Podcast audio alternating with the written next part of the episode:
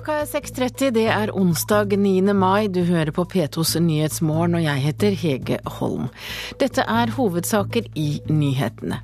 Omfanget av 22. juli gjør dette til en stor belastning også for politiet, sier lederen i Oslo politiforening.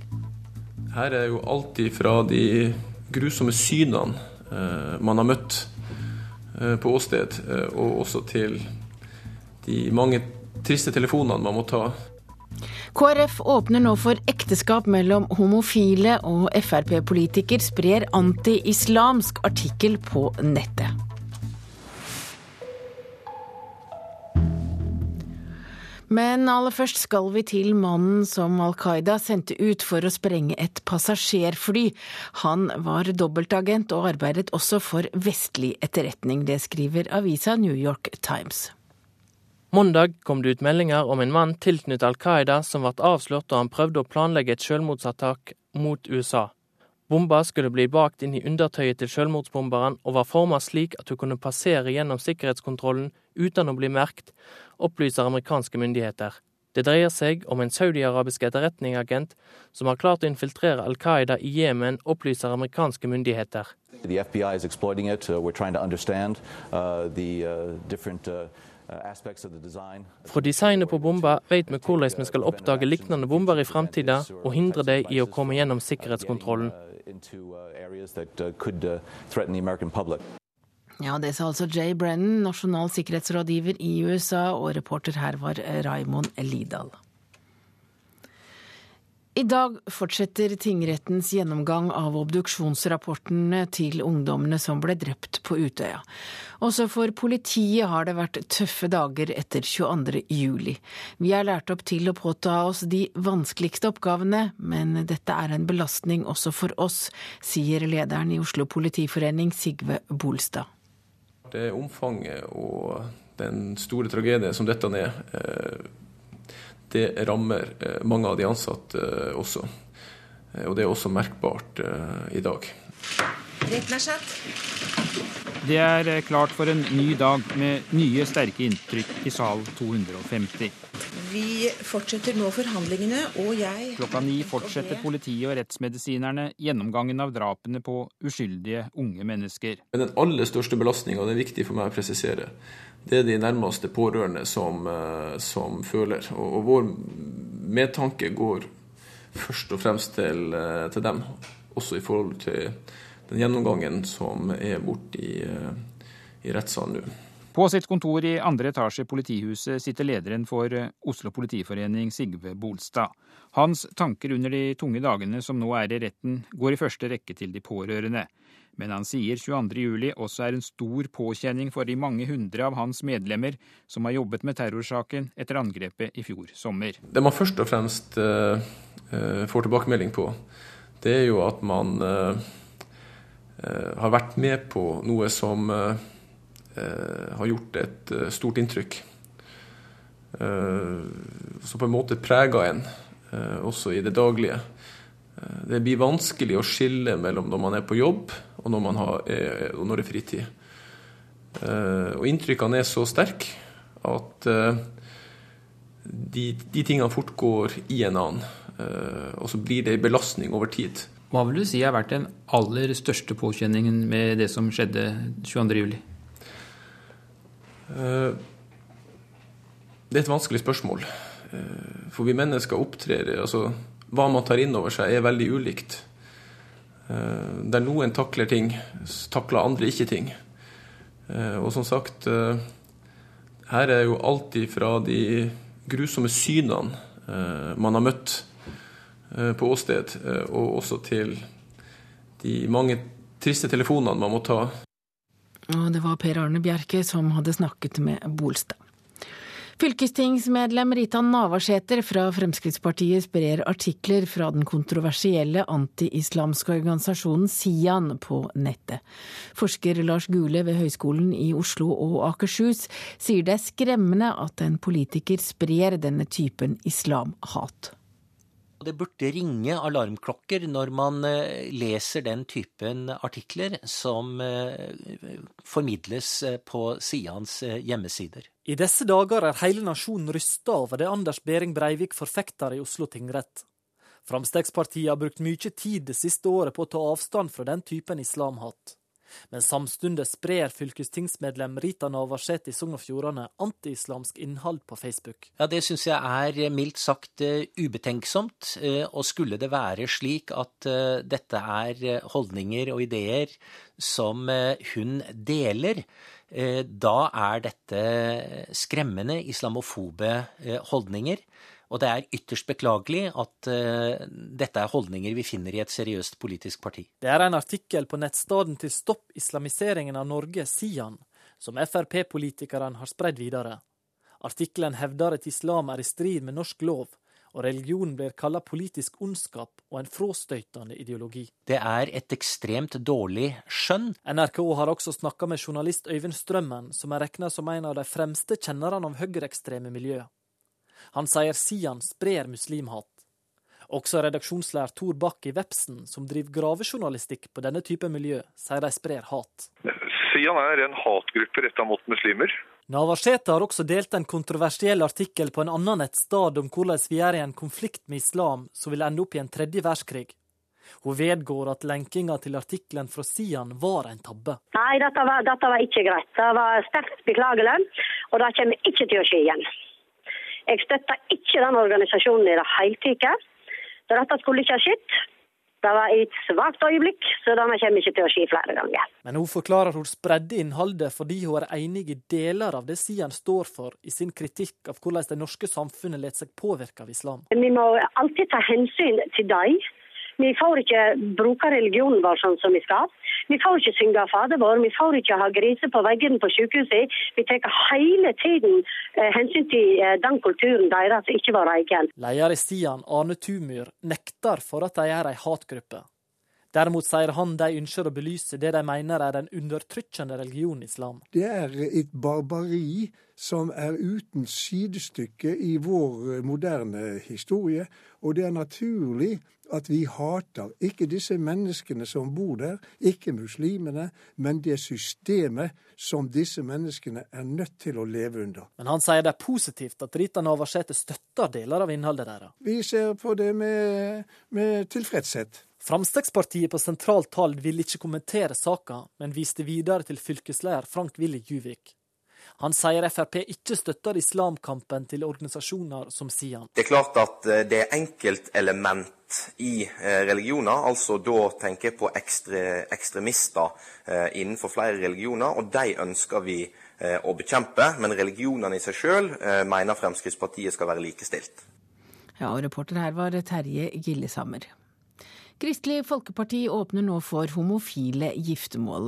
Avisen Vårt Land har fått tilgang til deler av KrFs nye forslag til partiprogram, og partiprogramkomiteen foreslår bl.a. at ekteskapet ikke lenger skal være forbeholdt mann og kvinne, slik partiet tidligere har ment.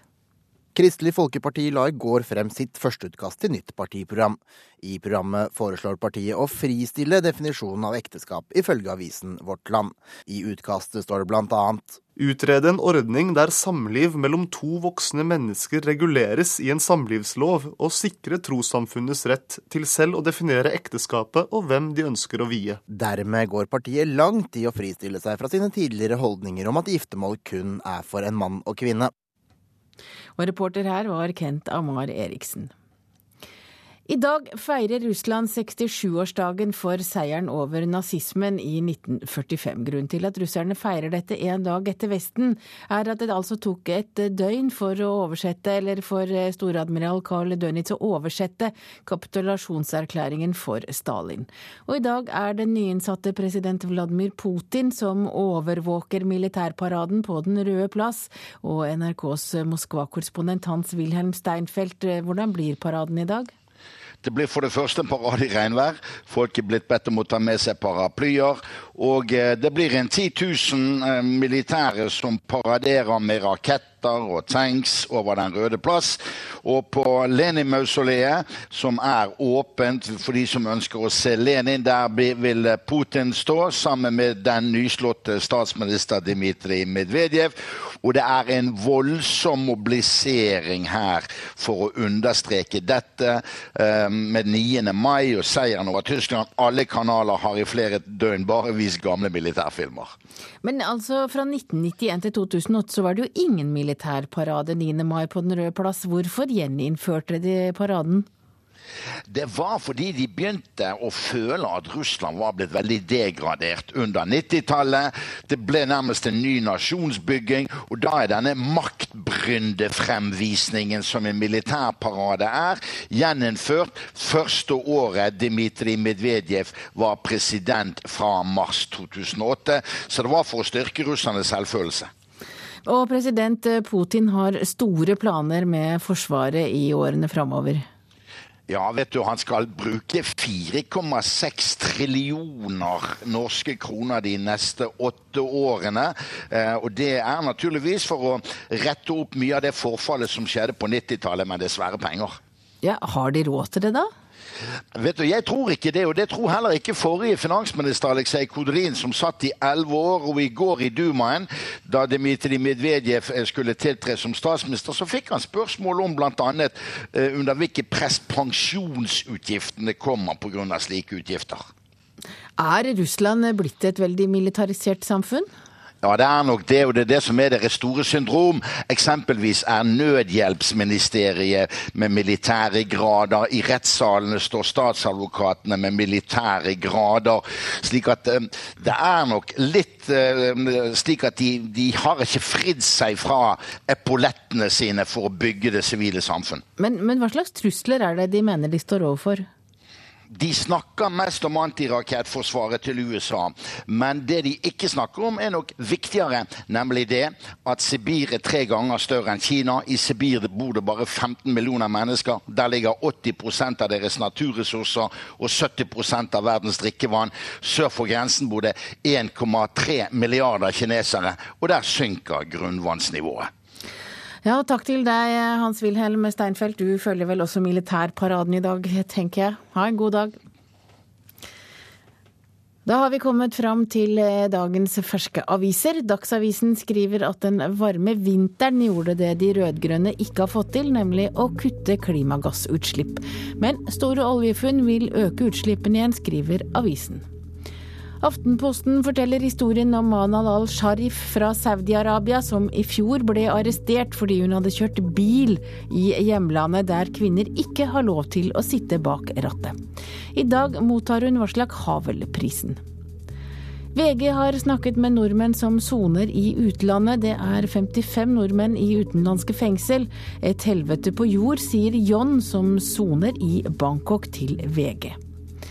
Nå herjer frekke nettsvindlere igjen, skriver Dagbladet. De tømmer bankkontoen din med e-post. Høyreradikale må overvåkes, skriver Klassekampen i dag. Det er Antirasistisk Senter som nå refser PST og politikere for å ha oversett de høyreekstreme. Bergensavisen skriver at sykehjemmet Florida nå innrømmer at det var sviktende rutiner ved sykehjemmet som førte til at en av pasientene døde. Stavanger Aftenblad skriver om ekteparet som selv ble pasienter etter at datteren ble feilbehandlet og tok sitt eget liv. Ekteparet ber om en unnskyldning fra sykehuset, for det har de aldri fått.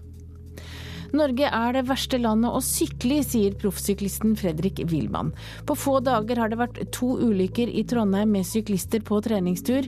Bilistene tar svært lite hensyn, sier Wilman til Adresseavisen.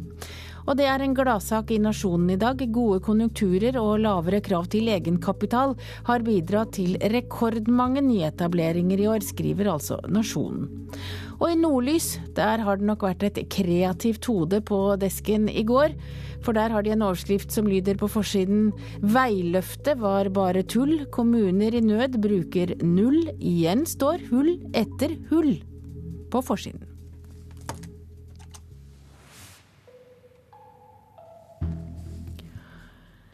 Og så skal vi til golfverden, for Susann Pettersen mener det ville blitt en av karrierens store høydepunkter hvis hun fikk spille Solheim Cup på hjemmebane. Hun applauderer Norges Golfforbunds ønske om å arrangere en av golfsportens aller største turneringer i 2019. Håper jeg spiller da i 2019. Å kunne ha det som en drøm, å kunne få lov å spille Solan Cup, som har betydd så mye for meg selv, på hjemmebane eh, på norsk jord, eh, hadde vært helt vilt kult. For Solheim Cup har en spesiell plass i hjertet til Susann Pettersen. Seks ganger har hun vært med i lagturneringen, hvor Europas beste kvinnelige golfspillere møter de beste fra USA. I fjor gikk hun og europalaget seirende ut av duellen i Irland. For min del har Solheim kanskje vært uh, de beste minnene hittil i min karriere. At Norges Golfforbund ønsker å søke om å få arrangere turneringen i 2019, applauderes fra Pettersens base i Orlando, USA. Hun brenner for å øke interessen rundt golfsporten i Norge. I så måte vil det betydd mye å få en av verdens fem største turneringer på kvinnesiden til Norge. Det er jo så stort som det kan få blitt, på å si. Hvis man ikke har eh, store mål her i verden, så kommer man stort sett ingen vei. Golfforbundet ønsker en statsgaranti på 200 millioner kroner. Det sier Kulturdepartementet foreløpig nei til. Tall Aftenposten har fått tilgang til, viser at fjorårets turnering i Irland hadde en omsetning på 275 millioner kroner, hvorav 171 ble igjen i distriktet. I tillegg ble markedsføringsverdien for Irland målt til 103 millioner kroner. Nesten 8 millioner seere fulgte TV-sendingene.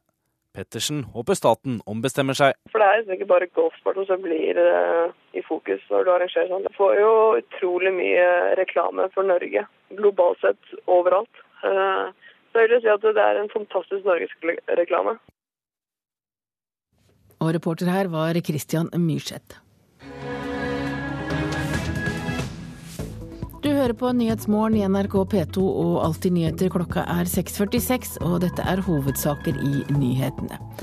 Omfanget av 22. juli gjør dette til en stor belastning også for politiet, sier lederen i Oslo politiforening.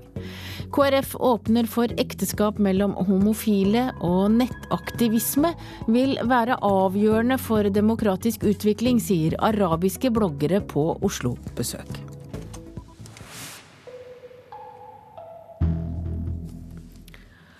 Nå skal vi snakke om sikkerheten på lekeplasser. For eh, lekeplasser tilknyttet borettslag og velforeninger har ofte ikke den sikkerheten de burde ha. Skjer det en alvorlig ulykke, kan beboere i nabolaget i verste fall risikere tvangssalg av bolig for å betale erstatning.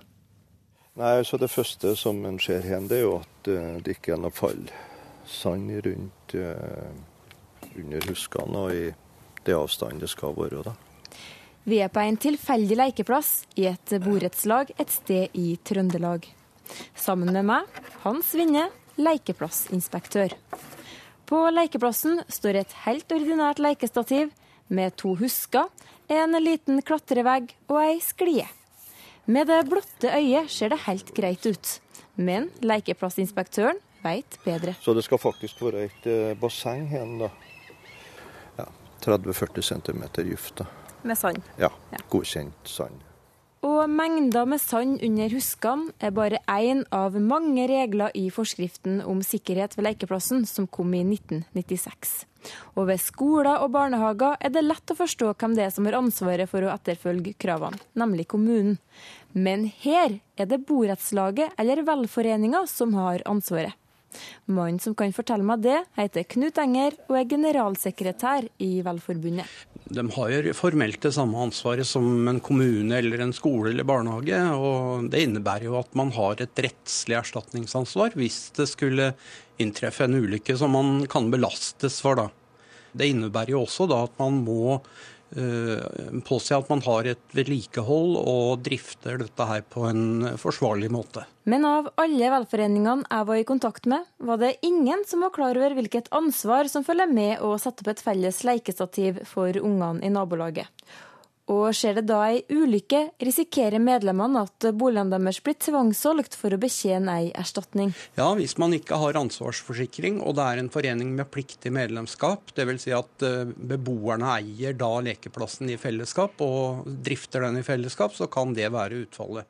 Det er jo egentlig myndighetene som kanskje burde vært ute og informert mer om plikter og, og, og krav til eh, lekeplassforskriftene. Ja, Det mener Ole Kristian Wiig, som er daglig leder for Lekeplassinspektørene AS. For jeg ser jo det er de som blir gjort oppmerksom på det, de er ganske snar med å få orden i takerne. Og myndighetene i denne sammenhengen, det er Direktoratet for samfunnssikkerhet og beredskap.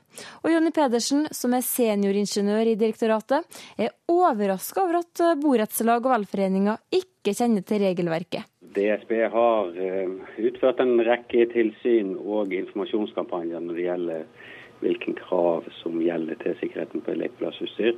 Vi kan selvfølgelig bli enda flinkere til å gå ut med informasjon, men vi føler vel det at eh, vi går jevnlig ut med informasjon. Så, ja.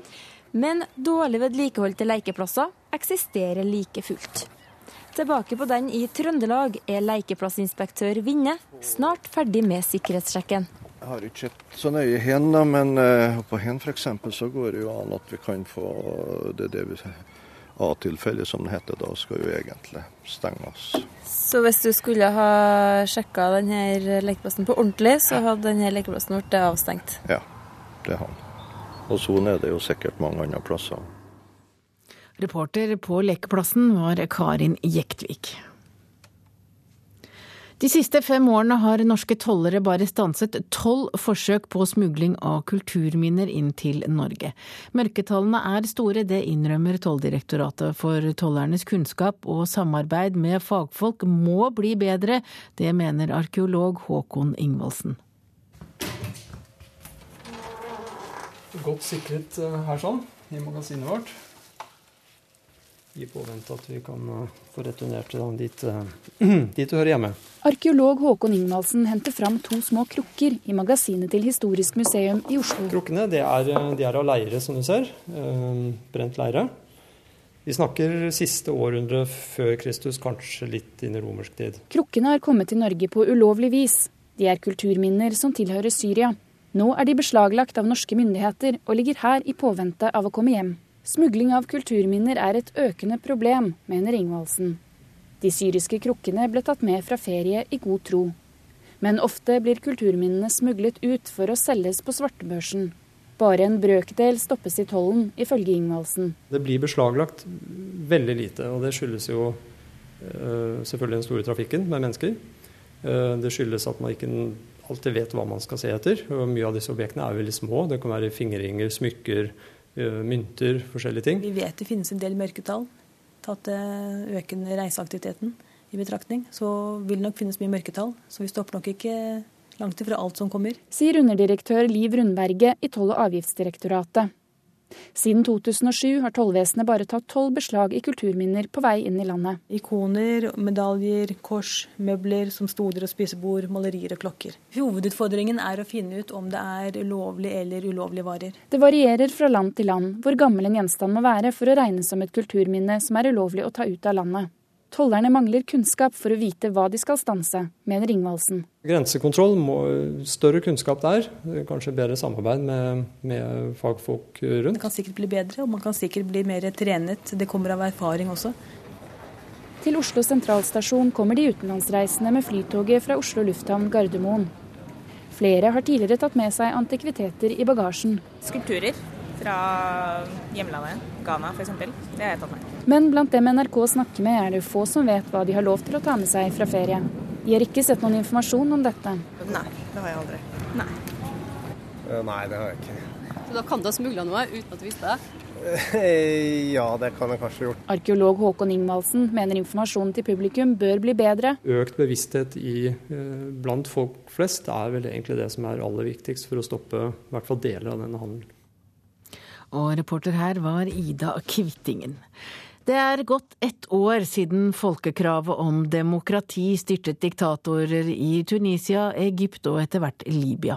Sentralt i den arabiske våren sto flere bloggere, og noen av dem kom til Norge denne uken. De har vært med på den årlige menneskerettighetskonferansen Oslo Freedom Forum. Uh, we cannot really come near to, to the parliament like it's the case here. We have fans Oslo-borgere flest reflekterer kanskje ikke engang over at de enkelt kan spasere helt opp til den gulbrune stortingsbygningen. Ja, enda til gå inn om de skulle ønske det. Men sånn er det ikke overalt i verden, minner blogger Lina Benmeni oss om. Det tunisiske parlamentet omkranses av høye gjerder og er langt mindre tilgjengelig, forklarer hun. You cannot uh, come uh, near to the, the building. Den regimekritiske bloggeren er gjest under den årlige menneskerettighetskonferansen Oslo Freedom Forum, som denne uka arrangeres for fjerde gang. For et drøyt år siden sto Ben-Meni midt i folkeopprøret i hjemlandet Tunisia. Og bloggingen hennes medvirket til at diktator Ben Ali ble styrtet, og den arabiske våren skjøt fart. When I'm in Tunisia, I'm, I'm taking part in demonstrations, taking photos, and writing about this. You know, Lina was very brave because she was one of the very few Tunisians who wrote with her real name. Den sudanske bloggeren Amir Ahmad Nasser deltar også på årets utgave av Oslo Freedom Forum. Han skryter av motet til Lina Benmeni, og er enig i at bloggere har hatt og fortsatt vil ha en helt avgjørende rolle for demokratiseringsprosessen i den arabiske verden. In the Arab world, imagine you are growing up with a lot of questions. Why? Why is this happening? And no one gives you an answer. For mens sosiale medier kanskje skapte dønninger i vestlige demokratier, skapte de tsunamier i arabiske land uten de samme tradisjonene for kritisk presse. Ifølge Ahmad Nasser har bloggere og nettaktivister òg tvunget etablerte arabiske medier til å omtale problemer i samfunnet som det tidligere ble tiet om. The Egyptian bloggers, when sexual harassment happened on the street, there was massive sexual harassment going on. Ahmad Nasser forteller at mediene i Egypt lenge ignorerte seksualisert vold mot kvinner under fjorårets demonstrasjoner. Men da bloggere begynte å legge ut videoer på nett som dokumenterte overgrepene, så også mediene seg nødt til å dekke forbrytelsene. So I går deltok både Ben Meni og Ahmad Nasser i en diskusjon på Oslo Freedom Forum, der temaet var den arabiske våren og veien videre. Men styrken med konferanser som dette er vel så mye at omstridte og i mange tilfeller drapstruede bloggere får anledning til å utveksle ideer og få en følelse av at de står sammen i kampen for demokrati og ytringsfrihet. When you have something shared, a value that you're willing to take risks for, the bond that forms is it's, it's ridiculous. You cannot even describe. Ja, det var reporter Dario Kverme Mirane som hadde møtt bloggerne under konferansen.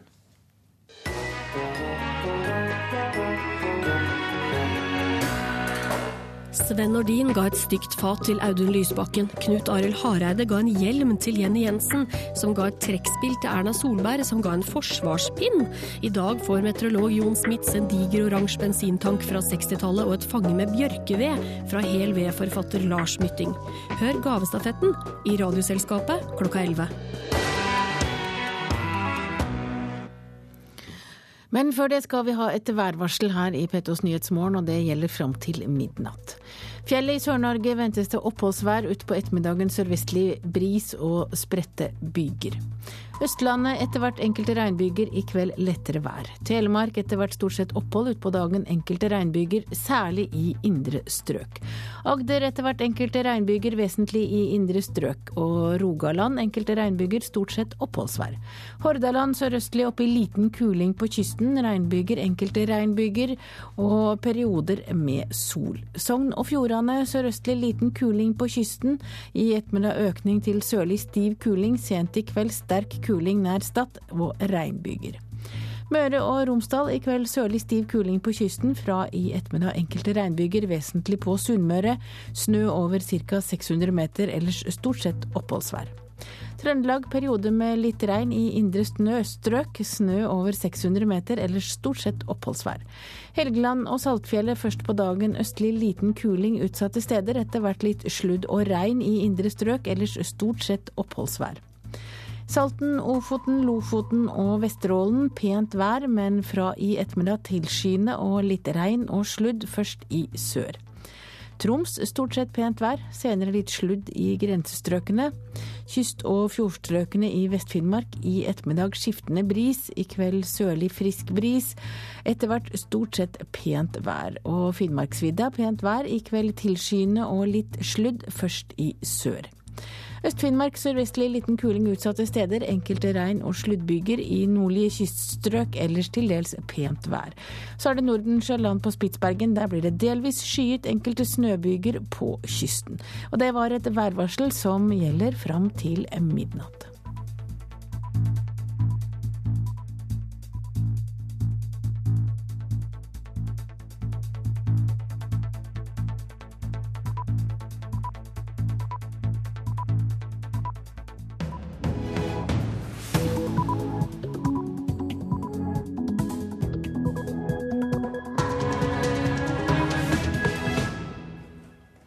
Klokka er sju, du hører på Nyhetsmorgen og jeg heter Hege Holm. Her er en nyhetsoppdatering. Norske skoler og kommuner svikter mobbeofre, viser rapport fra Utdanningsdirektoratet. Det første møtet med skolen er aller viktigst, forteller en mor som har opplevd sviket. Man kommer som forelder med et stort problem. Det gjelder ens barn, det kjæreste man har. Generalsekretær i AUF Tonje Brenna er først ute når overlevende fra Utøya skal forklare seg i dag. Hun kommer ikke til å si noe til gjerningsmannen. Nei, jeg har ingenting å si til han. Han betyr ingenting for meg. Han, han skal dømmes og få leve sitt liv deretter. Og så får vi leve våre liv. Mannen som Al Qaida sendte ut for å sprenge et passasjerfly, var dobbeltagent og arbeidet også for vestlig etterretning. Kofi Annan vil reise tilbake til Syria for å understreke at fredsplanen hans er siste mulighet for å unngå borgerkrig. Kristelig Folkeparti åpner nå for ekteskap mellom homofile, og Frp-politiker sprer islamhat på nettet. Det viser et ekstremt dårlig skjønn, sier forsker Lars Gule.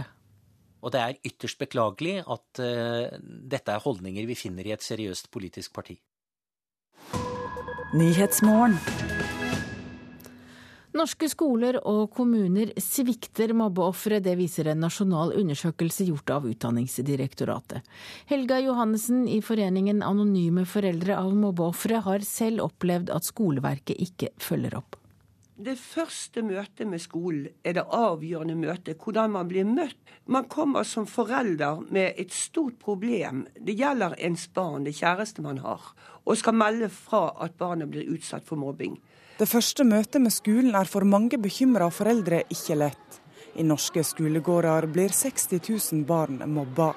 Det endelige resultatet fra en nasjonal undersøking fra Utdanningsdirektoratet viser at rundt 90% av kommunene og skolene i undersøkelsen har brutt lova. Skolene skal forebygge mobbing og informere foreldre om retten til oppfølging i mobbesaker. Helga Johannessen tok ut dattera av skolen som følge av mobbing.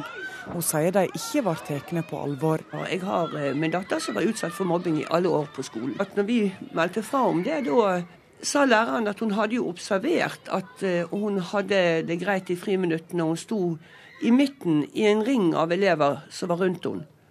Og når jeg da spurte læreren hvor var du hen når du observerte dette, jo da viste det seg at hun hadde stått inne i klasserommet og sett ut gjennom vinduet. Og da forsto hun faktisk ikke hva som foregikk når én elev står i midten i en hel ring. Altså det vi prøver på er jo Stovner skole i Oslo er en av de 316 grunnskolene som har vært med i undersøkinga. Rektor Ellen Janne Granum sier de tykker det var bra å være med på tilsynet, og at de har lært mye. Vi må ved alle henstillinger fra foresatte, så må vi fatte enkeltvedtak. Og så har vi lært at eh, vi må være veldig nøye på rutinebeskrivelsene våre knyttet til eh, oppfølging av alle mulige arbeidsrutiner. Hun mener det er viktig å være til stades der barna er. I det store og det hele så tenker jeg at eh, vi som skoleledere og lærere, vi må forsøke hver dag å se hvert barn. Og forsøke å se hele tiden hvordan har det barnet det i hverdagen. Fange opp signaler og være i tett kontakt med foreldrene. Slik at vi får god informasjon fortløpende om hva som rører seg mellom barna. Kunnskapsminister Kristin Halvorsen mener tilsynet skjerper skolene. Det er nettopp derfor vi har tilsyn, og det har vi hatt nå to år på rad. Og vi kommer ikke til å slutte med det. Og så har vi femårig opplæringsprogram for eh, kommuner og skoler om hvordan de skal jobbe med elevenes miljø. Og Deri inngår også hvordan de skal jobbe i forhold til mobbing. Sånn at vi har et veldig sterkt fokus på dette, og nøkkelen er at alle elever skal være trygge på skolen. Ingen skal grue seg til å gå på skolen, og skolene skal umiddelbart ta affære hvis elever eller eh, foreldre sier ifra om mobbing. Ja, det sa Kristin Halvorsen, og reporter her var Tone Gullaksen. Og vi har med oss direktør i Utdanningsdirektoratet, Dag Thomas Gisholt. Hva slags lover er det skolene bryter? I det felles nasjonale tilsynet som nå er oppsummert, så er det paragraf 9a i opplæringsloven som har vært eh, tema for tilsyn. Og Der er elevenes rett til et godt fysisk og psykososialt læringsmiljø regulert. Og Dette tilsynet har dreid seg om det psykososiale læringsmiljøet, og sett på både eh, hvordan skolene jobber med forebygging, hvilke rutiner de har for det individrettede arbeidet, hvordan kontakten med eh, brukere, altså skolemiljøutvalg, elevråd, foreldreutvalg, er. Vi hørte jo her om en lærer som sa at eh, hun, hun sto og så gjennom vinduet og så at eleven så ut som hun var sammen med vennene sine når hun egentlig var i en mobbesituasjon. Hvem er det som svikter? Ja, Det gjør jo for det første sterkt inntrykk å høre den type historier. Og regelverket er jo utformet med tanke på at den type atferd i skolen skal slås ned på. Og her er det de som er nærmest som må ta ansvaret. Det er lærere, det er skoleledere og det er skoleeiere. Og Tilsynet dreier seg om tilsyn med hvordan skole og skoleeier har rutiner og systemer for å motvirke denne type atferd. Men én ting er jo å ha systemer, en annen ting er jo at dette handler jo om, eh, om, hvordan barn forholder seg til hverandre. Og det er jo ikke alltid like enkelt for verken skoleleder eller lærere å oppdage mobbing? Nei, det er ikke alltid like enkelt. Og, og retten til et godt psykososialt læringsmiljø er jo helt fundamental eh, for norske elever. Og eh, regelverket er jo utformet på en sånn måte at den skal bidra til å sikre dette. Og for at lærere, skoleledere, skoleeiere skal vite hvordan man skal håndtere situasjoner som oppstår, så er det behov for gode rutiner. Men mangler det rutiner? På en del skoler så mangler det rutiner. Eller er det menneskelig feighet? Altså Her kan det være en kombinasjon. Altså For det første så er det viktig å ha rutinene i bunn, men rutinene i seg selv sikrer jo ikke en adekvat oppfølging. Men det er en betingelse for å ha et systematisk arbeid med læringsmiljø at man har gode rutiner. Og så må da den enkelte lærer og skoleleder ta det ansvaret som følger. Men klarer eh, på små steder hvor eh, mobbing eh, eksisterer, hvor det blir et problem, og hvor mange voksne blir involvert, og mange barn blir involvert, og familier blir involvert Det er ikke enkelt for lærere å klare å takle det? Nei, og det er ikke enkelt eh, for lærere å takle det. Og det å være lærer det er ingen enkel jobb, men det er en usedvanlig viktig og ansvarsfull stilling. og Derfor må det også stilles store krav til lærerne, også i forhold til situasjoner som dreier seg om mobbing og mangler ved læringsmiljø. Er det sånn at skoler som gjør det bra og som klarer det, og som har funnet eh, systemer, eh, lærer opp andre som ikke er like flinke? Ja, Her er det en viss erfaringsspredning, og de tiltakene som vi har ansvaret for, også knyttet til satsingen på bedre læringsmiljø, som statsråden nevnte i innslaget nettopp, er jo også et forsøk på å sørge for, for erfaringsspredning fra skoler som er gode, til skoler som har et eh, stykke å gå når det gjelder dette. Men jeg har også lyst til å føye til at selv om funnene fra det nasjonale tilsynet er alvorlige, og det er mange mangler en del steder, så er det også tegn til at mange skoler, mange skoleeiere jobber systematisk og godt med læringsmiljø. Så situasjonen her er absolutt ikke helt svart. Takk til deg, Dag Thomas Gisholt. Du er altså direktør i Utdanningsdirektoratet. Og nå har dere holdt på med slike tilsyn i to år, så får vi håpe at resultatene blir bedre etter hvert. I dag starter de første vitneforklaringene fra Utøya, og i tillegg til obduksjonsrapporter vil de som opplevde massakren på nært hold, selv fortelle om den grusomme ettermiddagen 22.07. Generalsekretær i AUF Tonje Brenna er først ut, og hun sier at hun føler et stort ansvar for alle medlemmene etter 22.07. Vil du kaffe? Vanligvis er det masse AUF som henger her. Dette er historien om en jente som overlevde Utøya. men også historien om hun som driver en organisasjon i en svært vanskelig tid. Jeg føler litt at 22.07 var en mandag, og at eh, vi er fortsatt i den samme uka. Mye, altså jobben min har handla mye om 22.07, og mye av det vi har gjort og det lederansvaret man har når man er generalsekretær, har handla om hvordan folk har hatt det, opplevelsene de har hatt, og, og mange sånne ting. Hun som selv flyktet fra kuleregnet. Tonje Brenna, generalsekretær i AUF, gjemte seg i skrenten ved Kjærlighetsstien. Så mange av sine medlemmer blir skutt, skadet og noen drept. Jeg mener at eh, det gjør noe med meg å sitte i tingretten og se på den skjermen at det står en fødselsdato på en som er død i 1996. Og så er jeg født i 1987. Og det er jo Altså, det bare er så urettferdig og meningsløst, da. Mm. Og jeg tror eh, hvis de som er døde, visste at vi gikk og tenkte at noen av oss kanskje tenker at vi skulle ønske vi kunne bytte plass, eller hvorfor lever jeg når jeg kunne vært død, så tror jeg de ville blitt forferdelig skuffa over oss. Så. Har du tenkt det? Jeg, jeg, jeg, har tenkt en del på hvorfor det er sånn at jeg, som er liksom eldst, lever. Mm. Og at det er urettferdig at det er så mange som er unge som er døde. Det er på en måte ikke noe å gjøre med det. Jeg kan jo ikke bytte, det er jo ikke sånn det fungerer. Et angrep så stort og vondt som det er vanskelig å fatte. Jeg tenker jo fortsatt at jeg kommer til å våkne opp en dag når jeg er 53 og tenke sånn Fy søren, jeg overlevde ute. Er det liksom noe å føle på et slags ansvar også? Eller siden man sitter som på en måte generalsekretær og som leder av en organisasjon med så mange, mm. så mange barn og ungdommer? Ja, det kommer jeg jo ikke utenom. Selvfølgelig føler jeg ansvar. Mm. Men hva føler du da? I hva slags ansvar da?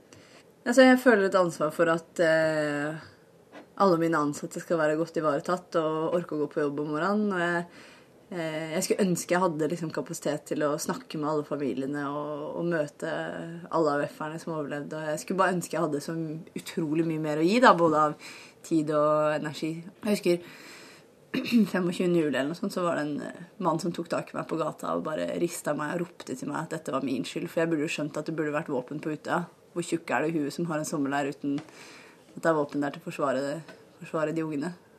Og det, da husker jeg at jeg bare tenkte Du får litt sånn eksistensiell krise. Har han rett, liksom? Eh, så det er klart man, man føler veldig på ansvaret. Det kom ikke utenom det. Mm. Har du følt skyld? Jeg tror alle har følt skyld på et eller annet nivå fordi man skulle ønske at man kunne gjøre så mye mer.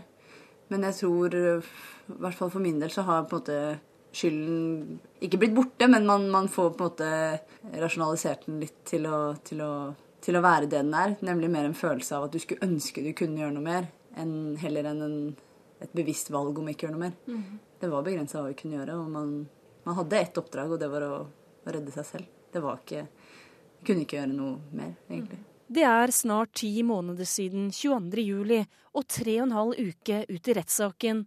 Tunge uker hvor hun har sittet med foreldre som har mistet det kjæreste de har. Det er jo litt sånn eh, Skal jeg si at det er tøft for meg å være der når de sitter og hører om sine egne unger? Altså, jeg tror å miste et barn må være altså, Jeg tror ikke det fins en større katastrofe for et menneske å måtte gjennomgå. Det er det som er tyngst, å se hvordan de foreldrene har det og se hvordan de reagerer. Og, men også liksom gråt fra småsøsken og besteforeldre og mamma og pappa. Det er bare helt Jeg kan ikke se for meg åssen de har det. da. I dag skal Tonje Brenna forklare seg for retten, fortelle sin historie og fortelle om AUF. Foran dommere, statsadvokater og forsvarere, og han som gjorde alt dette. Jeg ser på det som eh, mitt bitte lille bidrag for å få han dømt, og det gjør jeg gjerne. Vil du si noe til han? Nei, jeg har ingenting å si til han. Han betyr ingenting for meg. Han, eh, han, skal dømmes og få leve sitt liv deretter. Og så får vi leve våre liv. Og det sa Tonje Brenna til reporter Ellen Omland. Klokka er 13 minutter over sju. Du hører på Nyhetsmorgen i NRK P2. Dette er hovedsaker akkurat nå. Skoler og kommuner svikter mobbeofre, det viser en nasjonal undersøkelse. Mannen som skulle sprenge et passasjerfly i lufta, var egentlig dobbeltagent for CIA, og KrF åpner for ekteskap mellom homofile.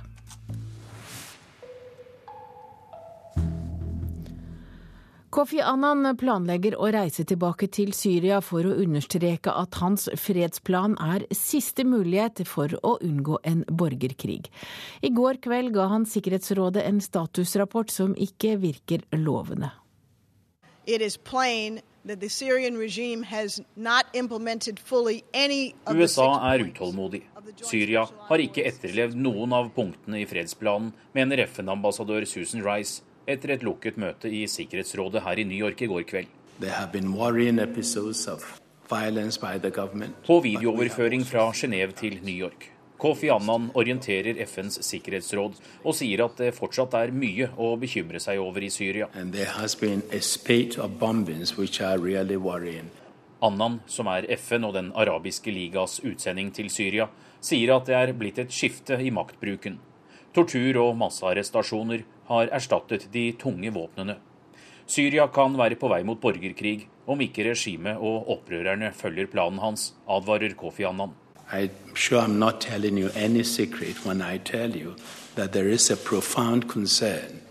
that the country could otherwise descend into full civil war. We cannot allow that to happen. Annan selv har ikke vært i Syria siden mars, men planlegger nå en tur tilbake til Damaskus i løpet av få uker. Sikkerhetsrådet står fortsatt bak Kofi Annans fredsplan, og for å holde trykket oppe skal han orientere FN to ganger i måneden. De 300 sivile og militære observatørene er ennå ikke på plass i Syria. Sikkerhetsrådet har ingen plan B, og den framforhandlede avtalen gis mer tid for å lykkes. Men USAs representant legger ikke skjul på at vestlige nasjoner jobber i kulissene for å legge mer press på Syria.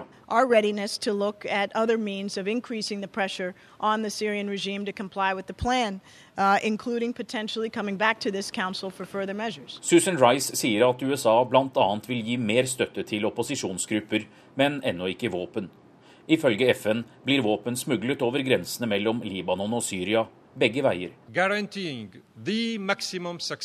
Syrias FN-ambassadør sier de vil oppfylle sin del av avtalen, men at andre land i regionen, som Qatar og Saudi-Arabia, også må slutte å forsyne opprørerne. Incitement to violence, stopping their sponsorship of armed rebellion in Syria, stopping their financial contribution her i FN er konfliktlinjene og grunnposisjonene stort sett de samme som da blodbadet i Syria havnet på bordet for første gang.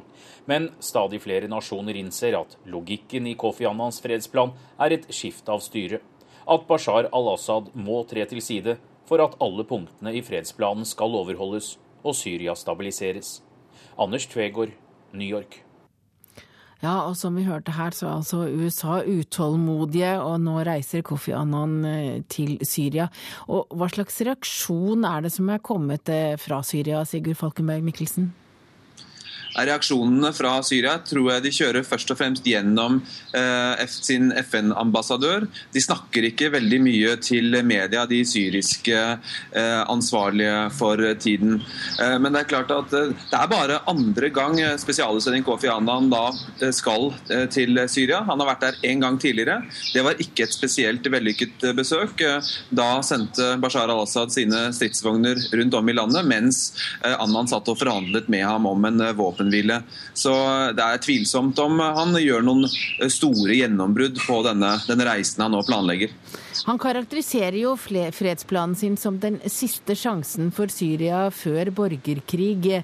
Eh, men hva er alternativet hvis FN-oppdraget til Annan ikke fører til fredelig løsning?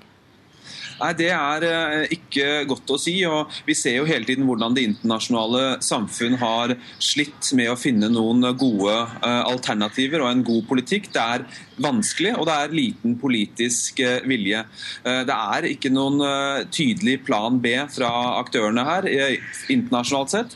og Det gjør jo at aktørene på bakken driver dette i stor grad, og at det er en logikk der som går, og den går mot mer væpnet konflikt. Eh, og Vi ser jo også at eh, dette med internasjonal inngripen har vært helt ekskludert eh, hele veien. Og Det er det fortsatt, men det er en gradvis glidning mot en form for ikke for inngripen, men for mer handling. Altså Det har vært et F.eks.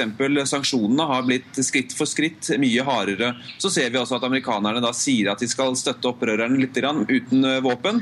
Eh, men eh, det er ikke mye konkret støtte de gir ennå. Vi hører jo fra rapporten til Annan at, bruk, at tortur er et virkemiddel som, som de nå har tatt i bruk. Hvor stort omfang? Alt det menneskerettighetsrapportene uh, som er skrevet om Syria det siste året uh, viser, så er det at uh, omfanget er stort. og det er meget alvorlige menneskerettighetsbrudd som foretas rundt om i syriske fengsler. Det er arrestert svært mange mennesker. Og Noe av det urovekkende her er jo at dette begynte svært tidlig mot det som den gang var fredelige demonstranter. Og Dette har jo vært med på å eskalere konflikten hele veien. Takk til deg, Sigurd Falkenberg Mikkelsen. Du er altså med oss fra Kairo. Og som vi hører, så er det livlig fugleliv i bakgrunnen eh, der du sitter. Da skal vi holde oss i utlandet, for norske myndigheter og norske selskap bidrar til Israels brudd på folkeretten i de okkuperte palestinske områdene gjennom omfattende handel.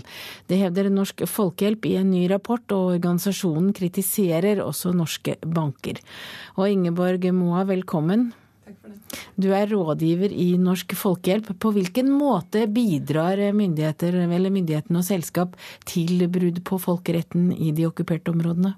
Det vi i Norsk Folkehjelp og Fagforbundet har funnet gjennom arbeidet med denne rapporten, det er at eh, norske myndigheter og norske private aktører bidrar til okkupasjonen gjennom handel med selskap som er til stede i de israelske bosettingene, og gjennom aksjeinvesteringer i de samme selskap.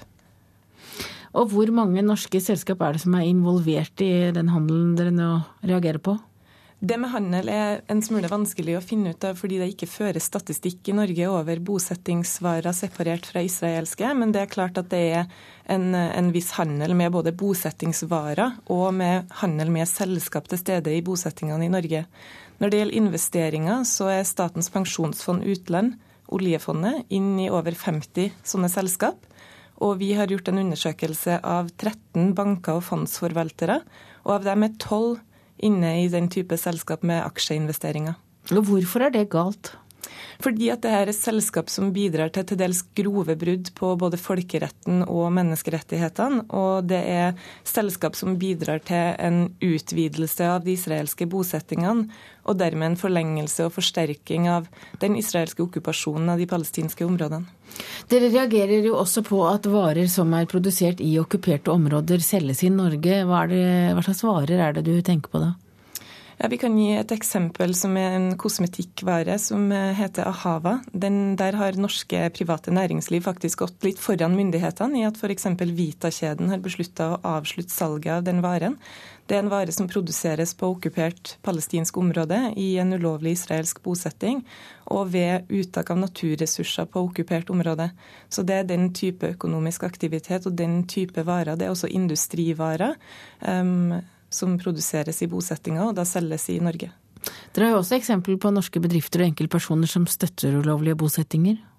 Ja, det finnes faktisk organisasjoner i Norge som direkte samler inn penger til bosettingene. Og i denne rapporten som vi lanserer i dag, så gir vi et eksempel på en av de organisasjonene som over flere år har samla inn penger til en bosetting, en ulovlig israelsk bosetting nord på Vestbredden. Til sammen flere millioner norske kroner i direkte bidrag. Men det er vel ikke ulovlig å støtte noe man tror på? Men problemet her er det vi vil sette fokus på, at norske myndigheter så sent som ved utenriksministeren 10.4 går ut og sier at de israelske eh, bosettingene er det største hinder for fred i Midtøsten. Det undergraver muligheten for en fredsløsning. Da mener vi at norske myndigheter bør ta grep, sånn at det ikke blir lovlig for norske borgere å samle inn penger til de samme bosettingene. Er dere ekstra kritiske fordi det dreier seg om Israel? Det vi har ønska å vise med denne rapporten, her er en, en diskrepans mellom de norske eh, politiske holdningene og det at det finnes en støtte til Israel gjennom privat og statlig aktivitet. Og Det har dere gjort, og jeg går ut fra at det blir debatt om eh, denne rapporten. Takk til deg, Ingeborg Moa, rådgiver i Norsk Folkehjelp. Da har vi kommet fram til dagens ferske aviser. Dagsavisen skriver at den varme vinteren gjorde det de rød-grønne ikke har fått til ennå, nemlig å kutte klimagassutslipp. Store, men store oljefunn vil øke utslippene igjen, skriver avisen. Aftenposten forteller historien om Anal al-Sharif fra Saudi-Arabia, som i fjor ble arrestert fordi hun hadde kjørt bil i hjemlandet der kvinner ikke har lov til å sitte bak rattet. I dag mottar hun Varslak Havel-prisen. VG har snakket med nordmenn som soner i utlandet. Det er 55 nordmenn i utenlandske fengsler. Et helvete på jord, sier John som soner i Bangkok til VG. Nå herjer frekke nettsvindlere, skriver Dagbladet. De tømmer bankkontoen din med e-post. Høyreradikale må overvåkes, skriver Klassekampen i dag. Det er Antirasistisk Senter som refser PST og politikere for å overse de høyreekstreme. Bergensavisen skriver at sykehjemmet Florida nå innrømmer at det var sviktende rutiner ved sykehjemmet som førte til at en av pasientene døde. Stavanger Aftenblad skriver om ekteparet som selv ble pasienter etter at datteren deres ble feilbehandlet og tok sitt eget liv. Ekteparet ber nå om en unnskyldning fra sykehuset. Det har de aldri fått. Norge er det verste landet å sykle i, sier proffsyklisten Fridrik Fredrik Wilman. På få dager har det vært to ulykker i Trondheim med syklister på treningstur. Bilistene tar svært lite hensyn, sier Wilman til Adresseavisen. Og det er en gladsak i Nasjonen i dag. Gode konjunkturer og lavere krav til egenkapital har bidratt til rekordmange nyetableringer i år.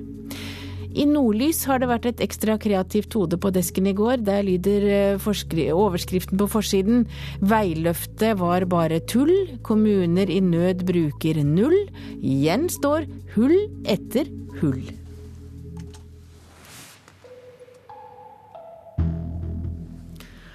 Rundt 2,5 tonn dynamitt, flere kilometer lunte og tusenvis av tennere er, destruer, er destruert i den store aksjonen for å tilintetgjøre gammelt, farlig og ofte eierløst sprengstoff her i landet. Direktoratet for samfunnssikkerhet og beredskap forlenger ordningen med gratis sprengning, og det skjer til sommeren. Reporter Sissel Brunstad har vært med på en av de mange sprengningene som skjer rundt i landet.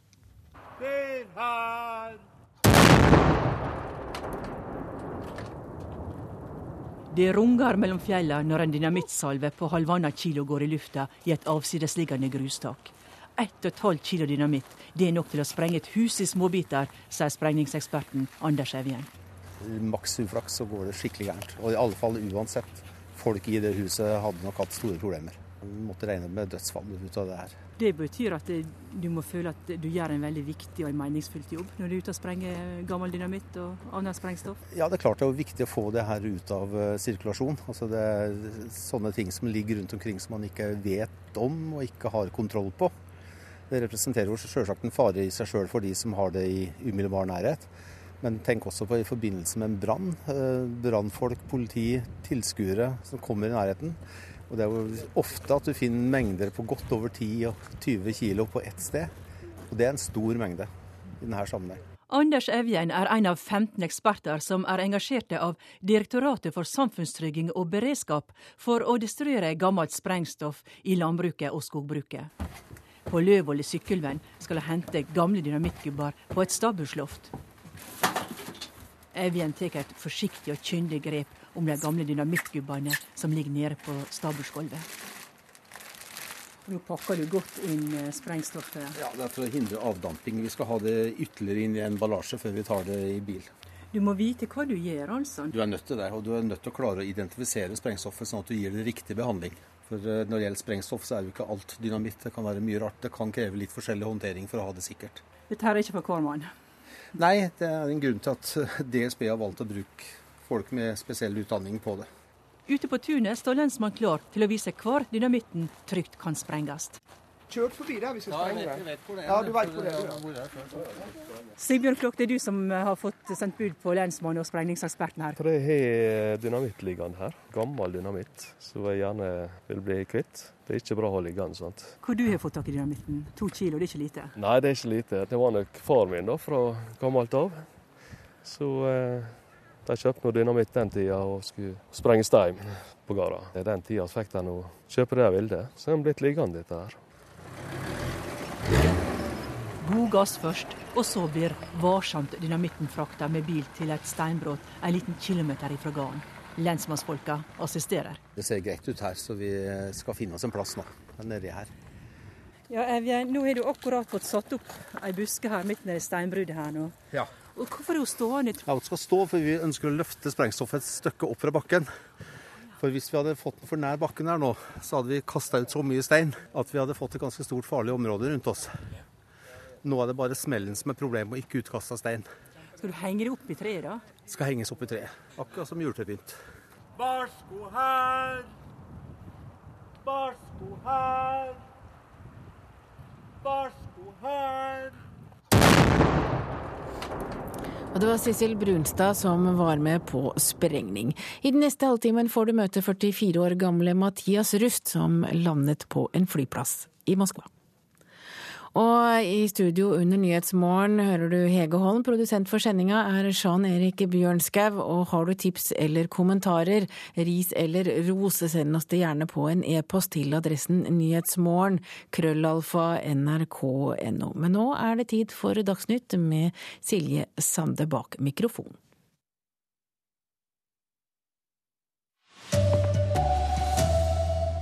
Skoler og kommuner svikter mobbeoffer, viser undersøking. Foreldre fortviler. Man kommer som forelder med et stort problem. Det gjelder ens barn, det kjæreste man har. Al Qaida utstyrte han med sprengstoff i trusa, men terroristen viste seg å være dobbeltagent. Og i dag skal overlevende fra åtaket på Utøya vitne i terrorrettssaker. Jeg ser på det som eh, mitt bitte lille bidrag for å få han dømt, og det gjør jeg gjerne. Her er NRK Dagsnytt klokka 7.30. Norske skoler og kommuner svikter mobbeoffer. Det kommer fram i en undersøking fra Utdanningsdirektoratet. I alt 369 skoler over hele landet er undersøkt gjennom to år. Hele 90% av dem har brutt lova som skal sikre at ungene har det bra. Helga Johannessen i foreninga Anonyme foreldre av mobbeofre har sjøl opplevd at skoleverket ikke følger opp. Man kommer som forelder med et stort problem. Det gjelder ens barn, det kjæreste man har, og skal melde fra at barnet blir utsatt for mobbing. Det første møtet med skolen er for mange bekymra foreldre ikke lett. I norske skolegårder blir 60 000 barn mobba. Det endelige resultatet fra en nasjonal undersøking fra Utdanningsdirektoratet viser at om lag 90% av kommunene og skolene i undersøkinga har brutt lova. Skolene skal forebygge mobbing og informere foreldre om retten til oppfølging i mobbesaker. Kunnskapsminister Kristin Halvorsen er ikke nøyd. Det er for dårlig. Det er for dårlig. Og jeg, nå har vi 330 kommuner med, eh, som underskrivere på manifest mot eh, mobbing. Eh, jeg forventer jo at alle de ikke bare skriver under, men at de faktisk gjør det de skal for å følge opp. Helga Johannessen tok ut dattera av skolen som følge av mobbing. Jeg tok henne ut av skole i åttende klasse. Da gikk hun en stund på privatskole, men så rømte vi for å bruke rett ord. Så flyktet vi til Oslo og bodde der et år, og der fikk hun hjemmeundervisning. Hun har ikke fullført grunnskole, men hun er vel litt selvlært og, og, en flink jente, så i dag går hun på lærerskolen og skal utdanne seg som lærer. Og Skolene bryter lova på flere områder. Det sier direktør Dag Thomas Gisholt i Utdanningsdirektoratet. Han sier det er flere som må dele ansvaret for at norske skoler svikter de aller svakeste. Hvordan skolene jobber med forebygging, hvordan kontakten med skolemiljøutvalg, elevråd, foreldreutvalg og regelverket er jo utformet med tanke på at den type atferd i skolen skal slås ned på. Og her er det de som er nærmest som må ta ansvaret. Det er lærere, det er skoleledere og det er skoleeiere. Reporter Tone Gullaksen. Mannen som Al Qaida sendte ut for å sprenge et passasjerfly, viste seg å være dobbeltagent. Han arbeider også for vestlig etterretning. Det skriver amerikanske aviser i dag. Køen i sikkerhetskontrollen på flyplasser verden over blir ofte irriterende lang når alt skal gjennomsøkes. De som har onde hensikter, forsøker å overvinne all verdens røntgenmaskiner.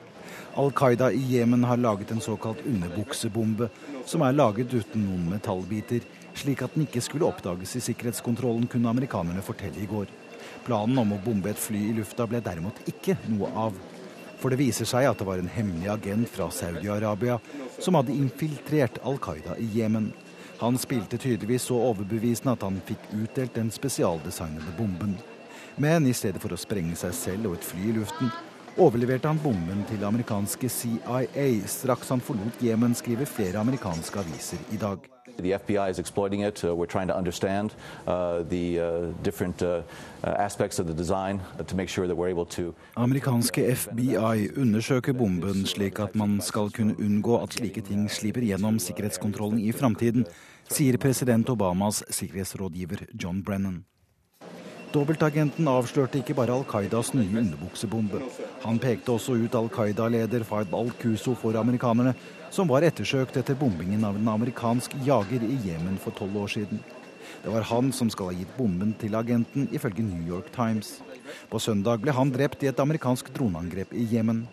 Historien viser at amerikanerne med saudi-arabisk hjelp satser hardt på å knuse Al Qaida i Jemen, landet som lenge har vært sett på som et arnested for organisasjonen, og som har egne treningsleire flere steder i landet. Og det sa reporter Øyvind Nyborg. Fredsplanen er siste sjanse til å unngå borgerkrig i Syria. Det sier spesialutsendingen Kofi Annan, som drar tilbake til landet i løpet av kort tid for å snakke med partene. USA varsler nå mer støtte til opposisjonsgrupper i Syria. USA er utålmodig. Syria har ikke etterlevd noen av punktene i fredsplanen, mener FN-ambassadør Susan Rice. There have been worrying episodes of Kofi Annan, som er FN og Den arabiske ligas utsending til Syria, sier at det er blitt et skifte i maktbruken. Tortur og massearrestasjoner har erstattet de tunge våpnene. De 300 sivile og militære observatørene er ennå ikke på plass i Syria. Sikkerhetsrådet har ingen plan B, og den framforhandlede avtalen gis mer tid for å lykkes. USA-korrespondent Anders Tvegård. I dag skal overlevende fra åtaket på Utøya vitne i terrorrettssaker. Først ut er generalsekretær i AUF, Tonje Brenna. 24-åringen har fulgt rettssaka. Hun sier det er tungt å se hvor unge drapsofra er. Vil du ha kaffe? Vanligvis er det masse AUF som henger i hendene. Dette er historien om en jente som overlevde Utøya.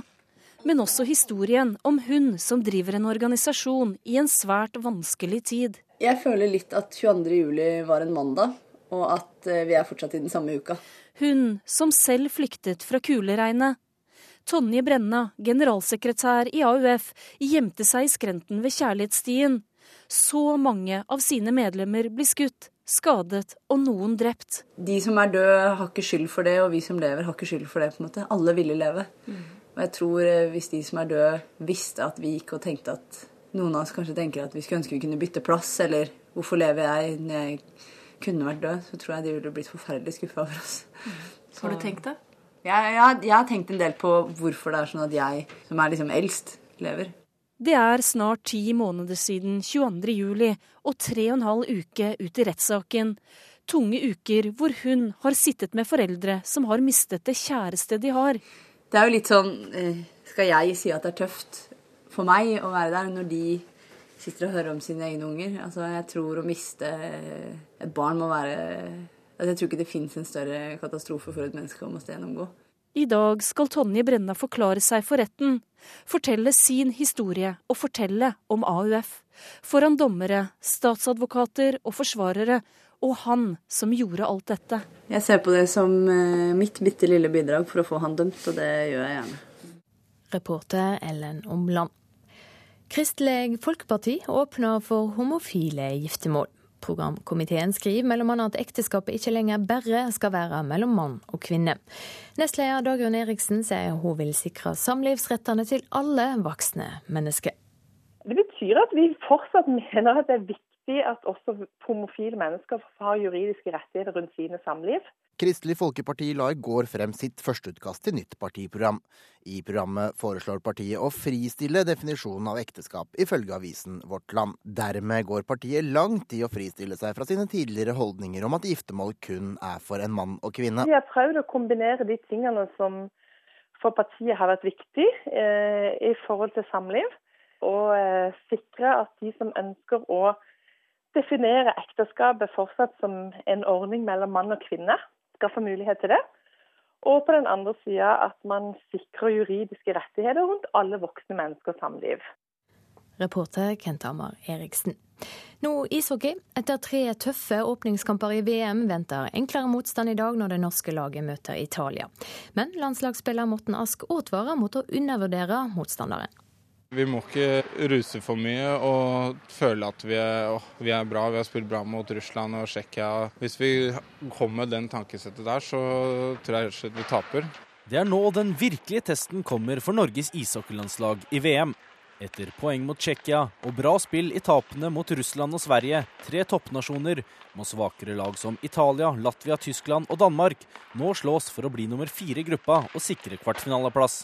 Og vi må passe på å ikke gi dem noen kontringer og alt sånt som de sikkert kommer til å ligge og vente på. Sier Martin Røymark, som ikke forventer noen lett kamp mot Italia i dag. Det blir tøft, det. De slo Danmark, og vi må bare altså, fortsette med det angrepsspillet vi har hatt. Så tror jeg vi kan ha større sjanser til, altså muligheter til å skåre mot Italia. Reporter Christian Myrseth. Ansvarlig for sendinga Bjørn Christian Jacobsen, Hans Ole Hummelvold og Silje Sande. you Du hører på Nyhetsmorgen i NRK P2 og Alltid nyheter. Nå skal vi få et gjenhør med, ja vi kan vel kanskje kalle det en verdenssensasjon. For for 25 år siden landet en tysk 19-åring et lite privatfly eh, på Den røde plass i Moskva. Og for første gang så forteller den nå 44 år gamle Mathias Rust hele den utrolige historien i en film som er laget av tysk TV. Arnt Stefansen har sendt oss denne reportasjen fra Berlin. De utrolige bildene gikk verden rundt i slutten av mai for 25 år siden. Et lite privatfly kretser et par ganger over Den røde plass før det lander like ved. Ut stiger en ung tysker og begynner å snakke med nysgjerrige som kommer til. I programmet Kreml-flygeren, som sendes på den tyske TV-kanalen ARD om et par uker, forteller Mathias Rust sin historie. Etter en stund kom selveste politisjefen i Moskva og ba om å få se passet mitt. Han sjekket det nøye og utbrøt 'du har jo ikke noe visum'. Jeg måtte le og sa at jeg neppe ville fått visum for å lande med et privatfly på Den røde plass. Han ble litt sur, så jeg skyndte meg å si at grunnen til mitt besøk var at jeg ville fremme fred mellom øst og vest, og da lyste han opp og sa at det var en flott idé. Bort med våpnene, vi trenger fred, erklærte han. Mathias Rust, den teenager aus Wedelbach. Mathias Rust er fra småbyen Wedel ved Hamburg. Som 18-åring tok han flysertifikat og ble medlem av en privat flyklubb. Da han var 19, fikk han sin store idé. Han ville gjøre en innsats for verdensfreden ved å fly til Moskva. Uten å fortelle noen om sine planer, leide han et av klubbens fly og tok av fra finske Helsinki med kurs østover.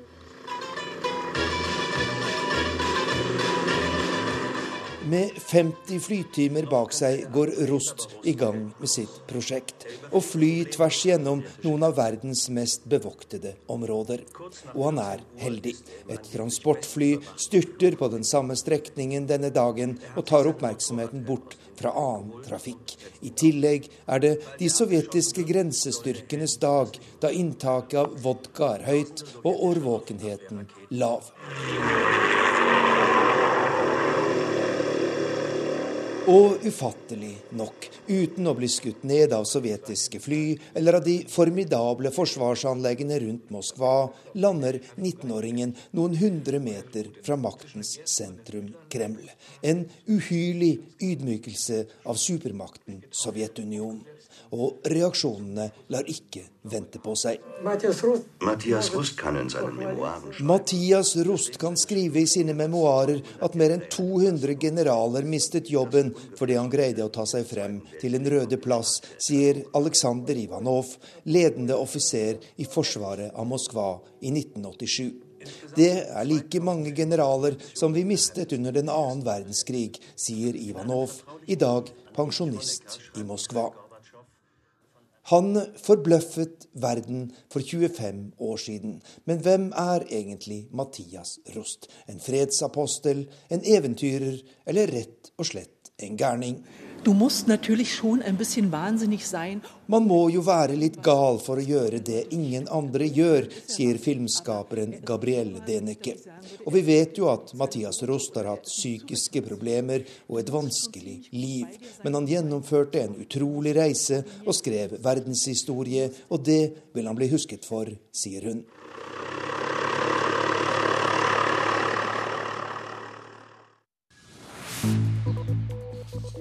Ja, Du hører på P2s Nyhetsmorgen. Klokka er 7.44, og dette er hovedsaker akkurat nå. Skoler og kommuner svikter mobbeofre, viser nasjonal undersøkelse. Al Qaida utstyrte han med sprengstoff i trusa, men terroristen viste seg å være dobbeltagent.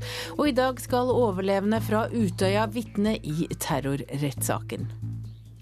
Og mobbing i skolen, det er også tema hos deg, Politiske kvarter, programleder Bjørn Bø. Ja, kunnskapsministeren møter Høyre både om mobbing og friskoler.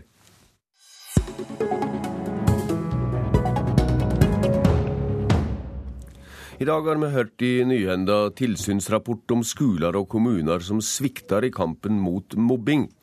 Kunnskapsminister Kristin Halvorsen, hvorfor virker det som dine hjemlige formaningsbrev bare preller av dere i frontlinja? Nei, Det er jo ikke formaningen vi driver med overfor kommuner og skoler. Det vi gjør nå, det er å sjekke om de faktisk gjør jobben sin. Og Det er derfor vi får opp disse tallene, fordi det er for mange som ikke har alt på stell og alle rutiner på plass i mobbesaker. 90 ja. Ja, og da er det små og store eh, forsømmelser, men det holder ikke. Og grunnen til at vi får den kunnskapen, er at dette er et omfattende satsingsområde for oss. Det har vært det i flere år. Vi kjører en egen kampanje overfor alle skoler som dreier seg om bedre læringsmiljø. Og så sjekker vi nå, har tilsyn som det heter, både kommuner og skoler, og da finner vi altfor mange feil, rett og slett. Og da skal vi ikke gi oss før de feilene er retta opp. Eh, men det vi må sørge for, er jo at alle kommuner lærer nå hva det er som skal til for å jobbe skikkelig i forhold til mobbing. Det er altså Utdanningsdirektoratet og fylkesmennene som har påvist disse omfattende bruddene på opplæringslovas bom om å møte mobbing. Er skoler og kommuner dumme, eller er lova for firkanta? Nei, det er ikke snakk om at eh, det verken er dumt eller firkanta. Det er forsømmelser og kanskje litt usikkerhet rundt hva det faktisk er som skal til for å følge den delen av loven som skal sikre at mm. alle barn har et trygt miljø eh, på skolen. Nå tror jeg en del kommuner har fått seg en vekker fordi Kristiansand kommune ble dømt til erstatning i forhold til en mobbesak som ligger 20 år tilbake i tid. I hvert fall har Kristiansand kommune fått det, for jeg har sett at de har laga en omfattende og veldig god rapport om hvordan deres skoler jobber med dette. Og mitt mål er jo at alle kommuner skal sørge for at på deres skole jobbes det skikkelig med eh, læringsmiljø og mot mobbing. Og at dette er noe de rapporterer på til kommunestyret, sånn at alle tar ansvar for dette. Ja, kanskje det er noe å lære i Kristiansand. Skoletalskvinne i Høyre, Elisabeth Aspaker. Hvordan reagerer du på rapporten om tilsynet med skolene? Jeg syns det er svært nedslående. Så Med tanke på at 5 eh, av norske elever mobbes eh, en gang i uka, så snakker vi altså om 30 000 elever. Og jeg mener at eh, det er ti år siden det første mobbemanifestet nå kom.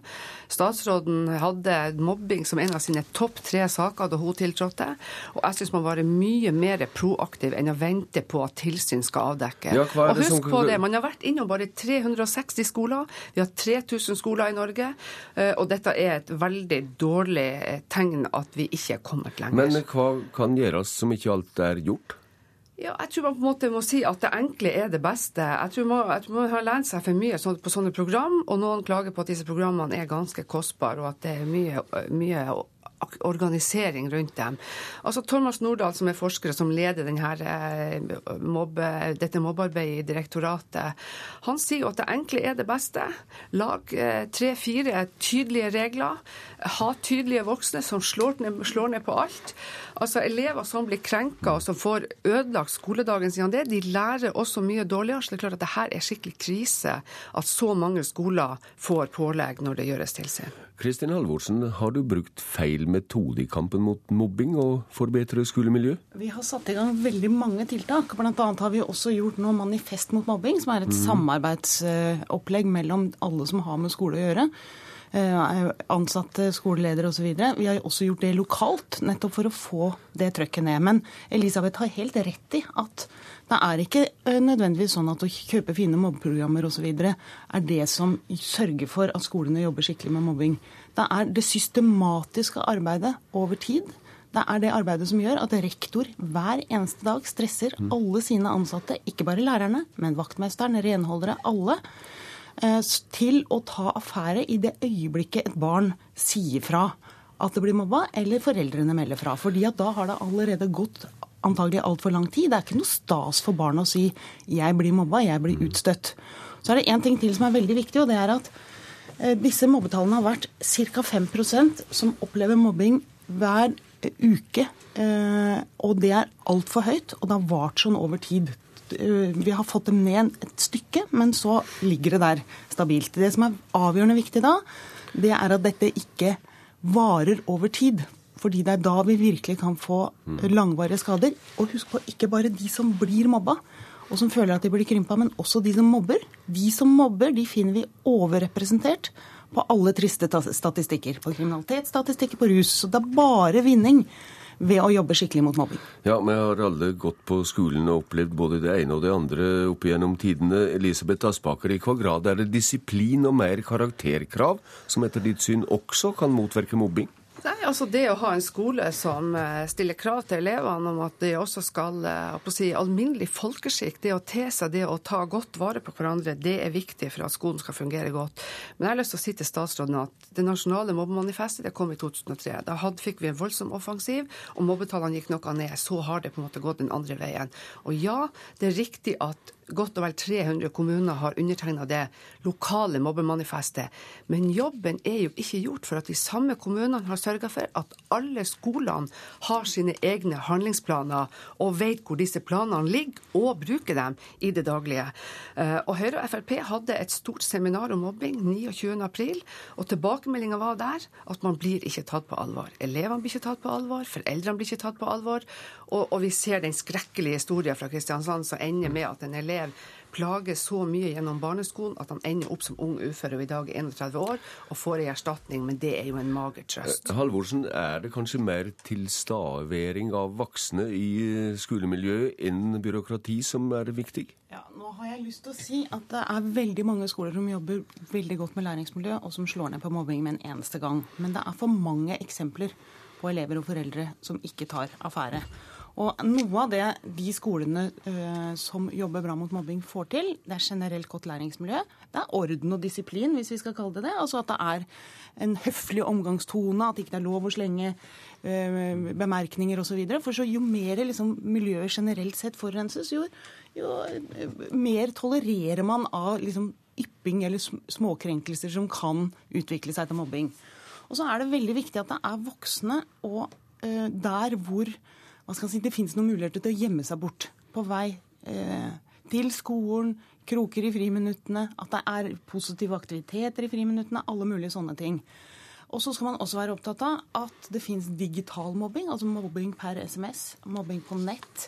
Det var kampanjen vår i, eh, i fjor høst eh, i forbindelse med Manifest mot mobbing. Og denne høsten har vi bestemt oss for at vi skal ha voksne skaper vennskap. Altså at voksnes ansvar overalt hvor barn er, også når det gjelder fritid, eh, bl.a. dreier seg om å, å, sørge for at det fins arenaer der unger kan finne seg venner. For da er man mindre utsatt for mobbing også. Aspaker. Ja, men Jeg har lyst til å si til statsråden at kampanjer er vel og bra, men det er det jevne, langsiktige arbeidet som det som teller. Og Jeg har lyst til å gi statsråden og departementet ros på et måte, for det ligger en fantastisk god veileder mm. ute på direktoratets hjemmeside. Og det er mulig at man skal ta og printe han ut og sende han til alle landets rektorer, i stedet for å stole på at de faktisk klokker seg inn på nettet og finner han sjøl. Mm. Da let vi det bli med det. da let vi det bli med det i denne omgang. Det blir med videre. men eh, først enda en repetisjon fra Høyres landsmøte. Valgfriheten skal bli større.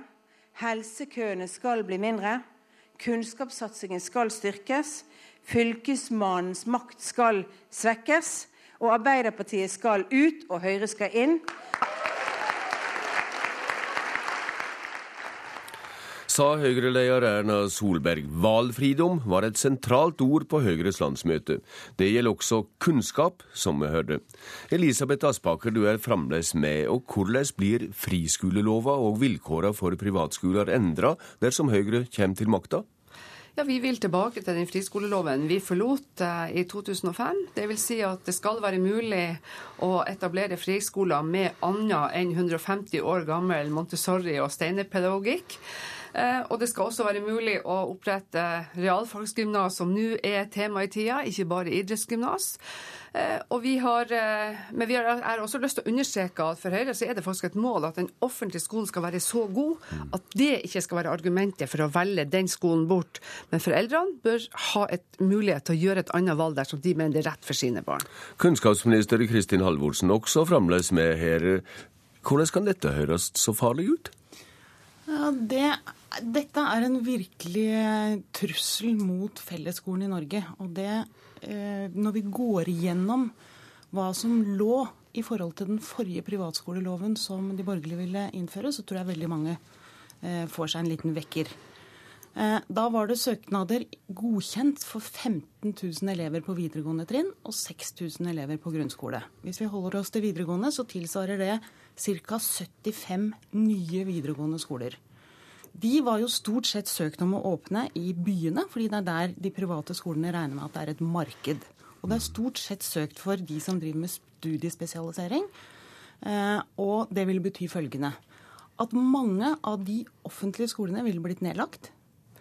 Eh, og at særlig de ungdommene som bor i distriktene, ville fått et betydelig dårligere skoletilbud fordi grunnlaget for deres skoler ville falle bort. Men la oss ta med grunnskolen ørlite grann også, Halvorsen, i dette bildet. Du sitter kanskje i Glashus. Det har uh, godkjent en serie friskoler som kommer i stedet for grendeskoler kommunene har lagt ned?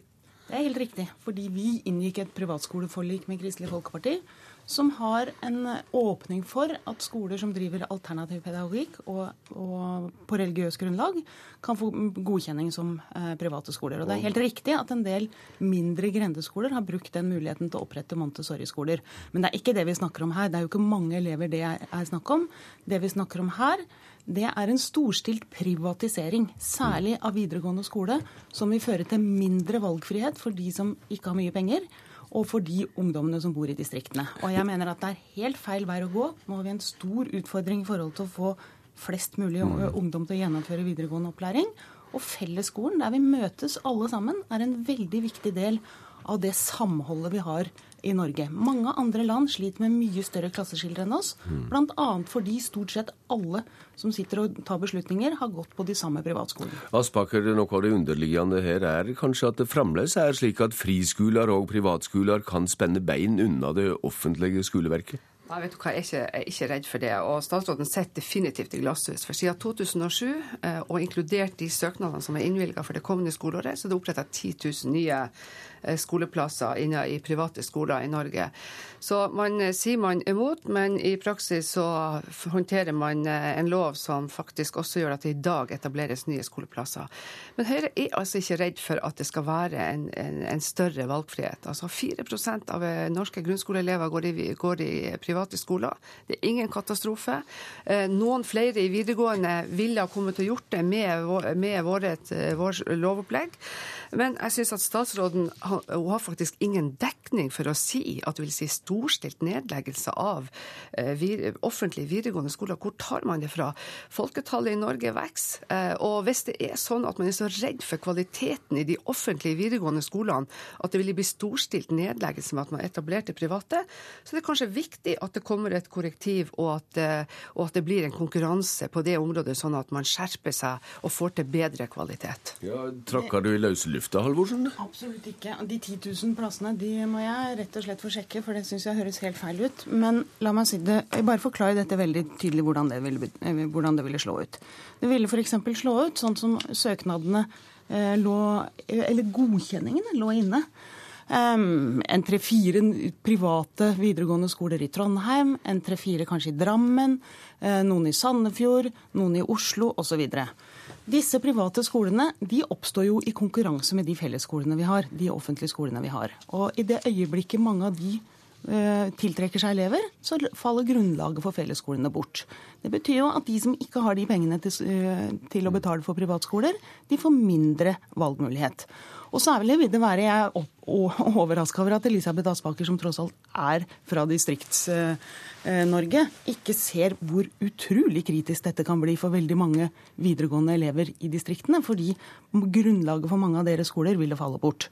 Og så er det sånn at over tid viser det seg at de som har mange privatskoler i sine land, de tiltrekker seg de elevene av de foreldrene som enten har penger eller er veldig opptatt av skole, eller begge deler.